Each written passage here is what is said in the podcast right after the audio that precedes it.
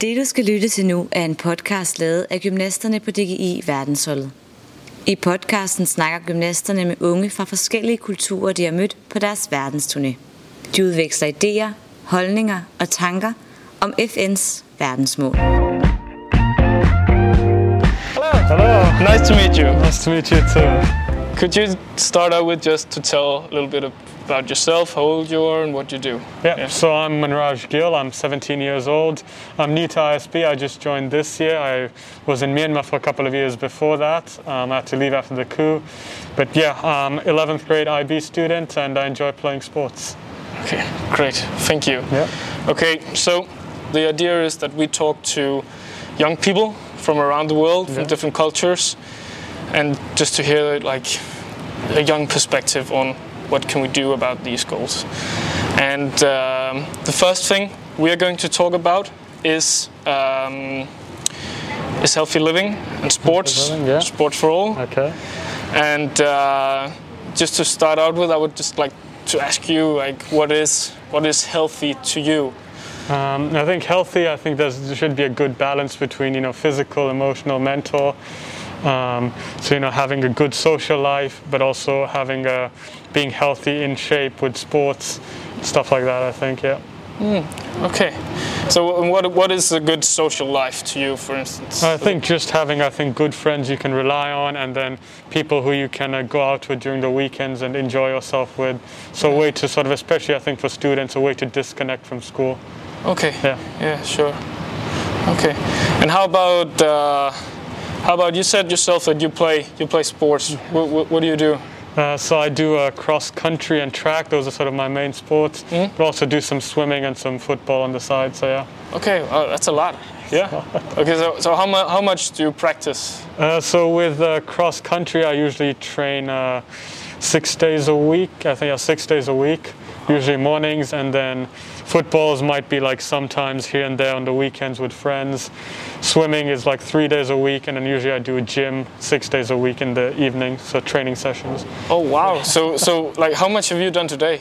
Uh, today, not that much, right now I'm injured, but so I just do a gym in the evenings. Yeah. Okay. Okay. Do you have a gym here? Uh, at ISB, yeah, there's a gym. Okay. Wow. Okay. Nice. How, do, how does exercise make you feel? I think I feel uh, great. I think feel like really relaxed and I feel motivated. I've you know I haven't really missed a training session in a year, two years, so I really love it. And I think having a friend with you who can hold you accountable is really helpful. Yeah. Okay. Nice. What about you? You of course on the international Danish team. So Yeah. what about you? Yeah. We we also work out a lot and train a lot, Yeah. and uh, like for you can't be on this team and not enjoy uh, to train because we do that sometimes 10 hours a day Yeah. and uh, for us it's really important to have fun while Yeah, you're doing of it course. and uh, i don't know like what, what do you think about if, if because some of the issues uh, is one of the issues is that that if you look globally like more people are doing less sports Hmm. uh, and are uh, less what do you call it active Yeah. and do, do you have any thoughts on what what could be the cause or how we should? I think, of course, with the pandemic, it's you know there's been a lot of gyms have closed, so sports facilities have closed, and people's sort of motivation has dropped. But I think other than that, I'm not really sure because as a kid I've always been active, I've always been involved in sports, and I've surrounded myself with people from my sports teams. Mm. So I don't really know. But I think one thing now comes to mind is sort of with the video games and the advent of the um, more digital age, people spend more times online and less times outdoors. Mm. Yeah.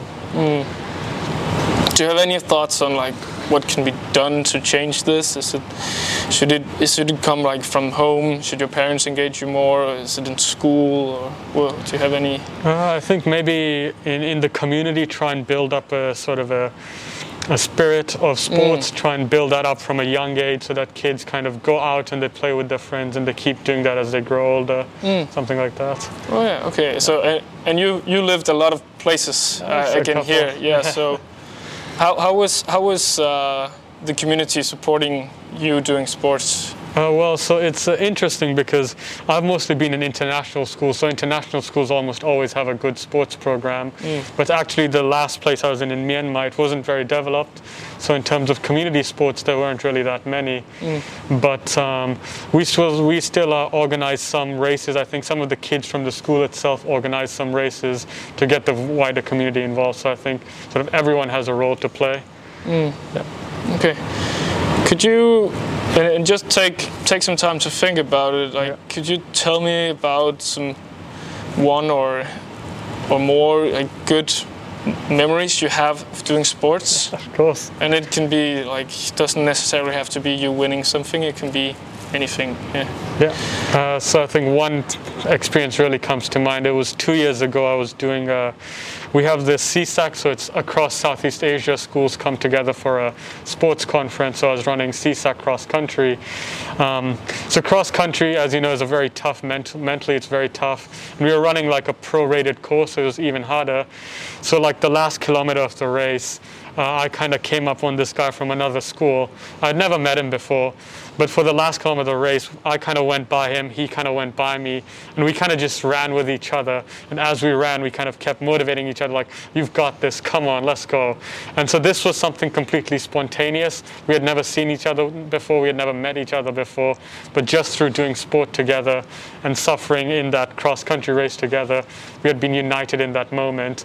You know, and after the race, we talked a bit and we hung out. So I think that was really nice. Okay, okay, just that sounds really nice. So, so even though he was your competitor, Yeah. you were his competitor. You were just like, Yeah, we were on, yeah. motivating each Yeah. other, even though we're competing against each oh other. yeah, So oh, that's think- beautiful. Yeah. yeah. I think that's like captures what sport is. It unites people across cultures, brings Mm. them together. Okay. One of the things that like also our team is about is is sports for all and sports Yeah. for everybody, no matter like how good you are at something or or also perhaps um, how old you are. So like for you, for instance, like what could motivate you to do sports like when you get older or when you get a permanent job or Uh, well, well, for me, so I think I've kind of, for a couple of years, I kind of decided I want to go pro in running in the future. You know, right now I'm injured, but I'm still committed to it. So, and you know, this is something that I think about a lot actually. But I think even as an adult, you have a lot of free time because you only work maybe 10 hours or I don't know. But then, even then, you have like maybe four hours of free time. Mm. So if you're really committed and motivated, then I think you can achieve anything in life, whether that be in sports or anything else. Mm. Mm. So yeah, how about you? How many? How long have you been training? I started doing gymnastics when I was three years old, I think. So it was, I think a lot of, in, in Denmark at least, like gymnastics is a bit big sport, and I think a lot of parents, they if they have a kid that is doing uh, somersaults in their couch, they think like, okay, maybe he should learn it Yeah. probably before he breaks his neck. So that's why they sent me off to Okay. like uh, to gymnastics, and then I just never stopped. I guess it was, and I was uh, I was good at it at quite a young age. So, and I've always been quite competitive, and it was really fun. And I also had like my best friends doing it, Yeah. and so it was not just the sport; it was also like all the social yeah. social uh, things that surrounded it that made Yeah, it yeah, special. And um, and this this team, of course, is a big dream for many gymnasts in Denmark. So, Yeah. Of course. yeah, I think we got around the topic Okay. really nice, and uh, thank you for Yeah. for joining and Yeah. talking about sports. Yeah. sports for all. Okay. Thank you. Yeah. Okay, Thank you. thank you.